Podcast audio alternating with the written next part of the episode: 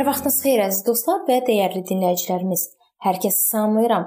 Mənim adım Sona və sizi Allahla 5 dəqiqə adlı podkastımızda xoş gördüm. Bu gün biz müjdənin ilkin dövrlərdə yayılması barədə mövzunu araşdırmağa davam edirik.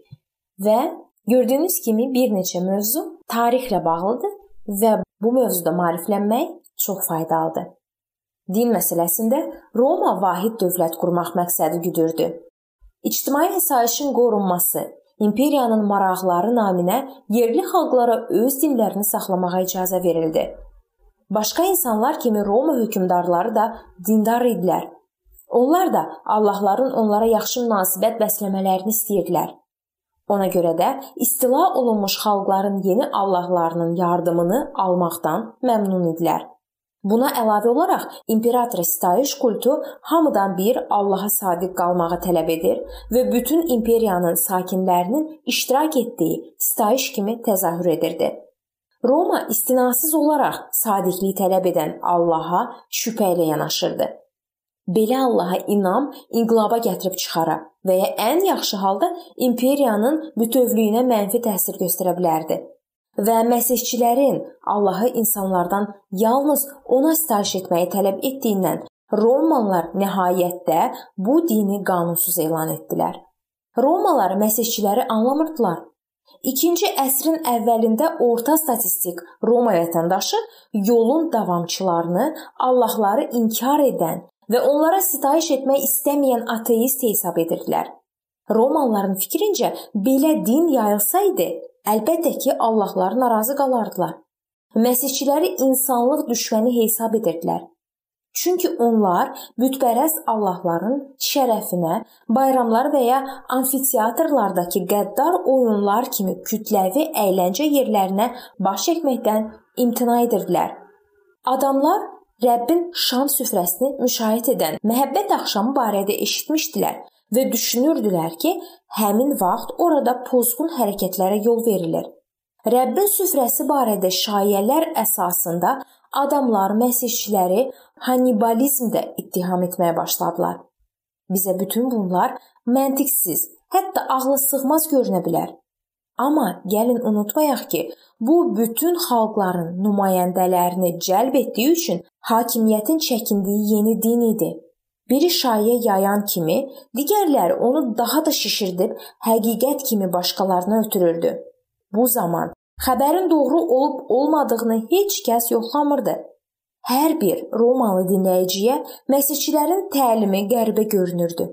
Məsihçilərin Allahı cinayətkar kimi ölmüşdü, sonra isə ölülər arasından dirilmişdi. Onun ardıcıllarının çoxu qullar, keçmiş qullar və başqa qara cəmaət idi.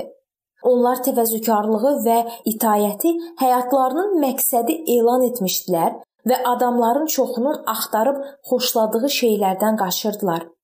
Bundan əlavə, onların arasında məsihçilərə rəhbərlik edən qullar, keçmiş qullar da var idi.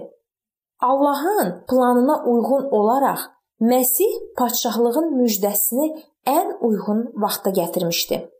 Məsihin ölümündən keçən ilk 20 il ərzində məsihçilik zəif inkişaf etmişdi və çətin ki, Romada onun mövcudluğu barədə bir şey bilirdilər.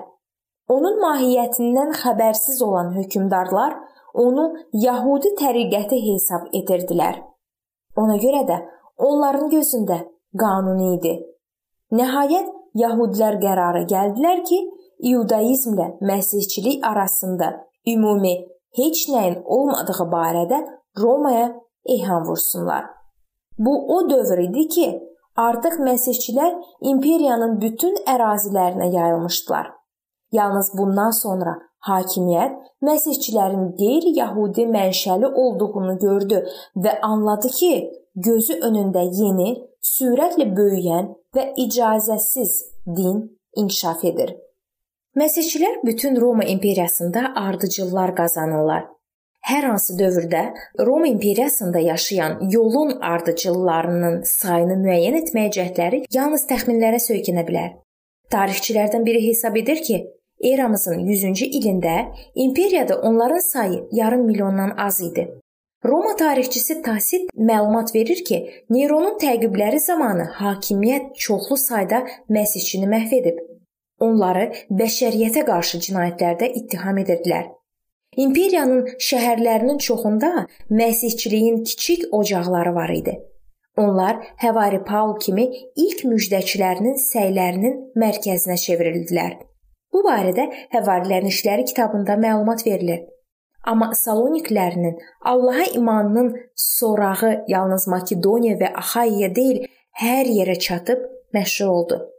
Roma konsulu Plini 111-ci ilə aid edilən imperator Trayana məktubunda yazırdı: Bu yolxucu möhfumat öz infeksiyasını təkcə şəhərlərə yox, artıq kəndlərin arasında da yayıb. Bəzi kəndlərin və kiçik şəhərlərin əhalisi müjdəni eşidib İsa Məsihə üst tuturdular. Və bu mövzuya aid son məlumatları mən sizinlə növbəti görüşümüzdə paylaşacağam.